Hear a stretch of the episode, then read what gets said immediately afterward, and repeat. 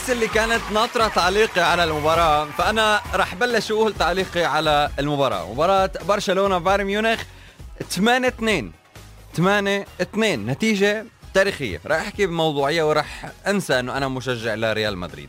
مبدئيا أسباب الخسارة مش جديدة. أسباب الخسارة من زمان. من زمان من زمان من زمان. من لما طلع نايمار من برشلونة بلشت أسباب الخسارة. تبدأ من رئيس النادي. لا الإدارة لا المدرب لا اللاعبين. الكل عنده مسؤولية. الرئيس يعني إدارة فاشلة جدا جدا جدا بالتعاقدات بطريقة إدارة اللاعبين إدارة الأفكار إدارة التخطيط. كيف أنك تشتري لاعبين؟ كيف أنك تبيع لاعبين؟ كل الإدارة خاطئة 100% المدرب حدث فلا حرج. يعني سيتين أثبت فشل ذريع جدا جدا واصلا دخل المباراة غلط. أنت داخل المباراة غلط. راح تخسر. إلا إذا قدرت تتعدل. فهو لا.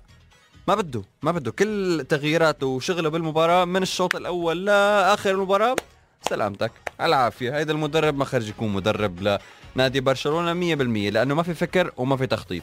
اللاعبين بوسكيتس خلص بده يضل يلعب بوسكيتس؟ لازم يعني وأساسي okay هو من أفضل اللاعبين في العالم في الوسط أنا بقول تمام بس مش هلأ. هلأ بتلعب احتياط.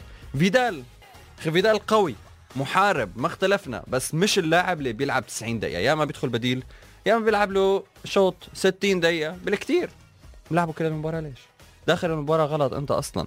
خوردي ألبا سيرخي روبرتو روبرتو يا الله يا الله هيدا هيدا هيدا هيدا اللاعب ليش؟ ليش عم يلعب بعده؟ صراحة والله العظيم. ليش عم يلعب روبرتو؟ حتى بيكي لونجليه بطيء جدا جدا. سواريز حاول شوي بس ما في. لحاله الزلمة لحاله. ميسي. إيه ميسي والله العظيم. ما بعرف هلأ أنا بح... رح أحكي رأيي. ميسي هو لاعب قوي. آه شاطر. أحسن لاعب في العالم. كله هذا أنا موافق عليه. بس ما بتحسوا ما عنده روح القيادة؟ صراحة ميسي مش القائد. إذا بتشوفوا بالمباراة لما بياكل جول اثنين ثلاثة بيقعد هيك.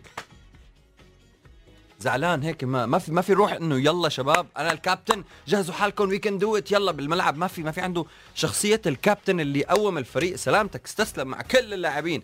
فشي بيزعل إنه أحسن لاعب بالعالم يتصرف بهيدا الشيء ما ما ما رح نحط الحق عليه بس إنه كمان يتحمل جزء من المسؤولية. هي أغلب النقاط اللي أنا حطيتها. وبالنهاية تراكمات. تراكمات أدت للسقوط الحر. تتذكروا ب 2008 كان في سقوط حر كمان لما كان فرانك رايكارد آخر آه، مدرب قبل جوارديولا وقتها طلع فرانك رايكارد وإجا جوارديولا وقتها شو اللي صار؟ خسروا 4-1 قدام ريال مدريد بالسانتياغو برنابيو. وبعد هالمباراة صار في انتفاضة. ببرشلونة. نفضه مرتبه رونالدينيو راح ديكو راح غيروا المدرب. وهذا الشيء اللي صار هلأ ببرشلونة.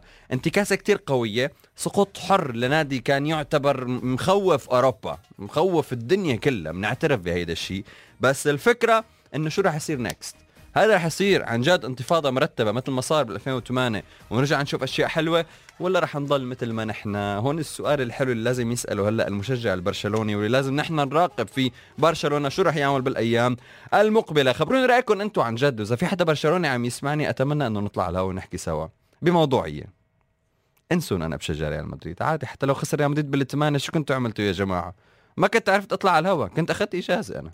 مية مية رسميا.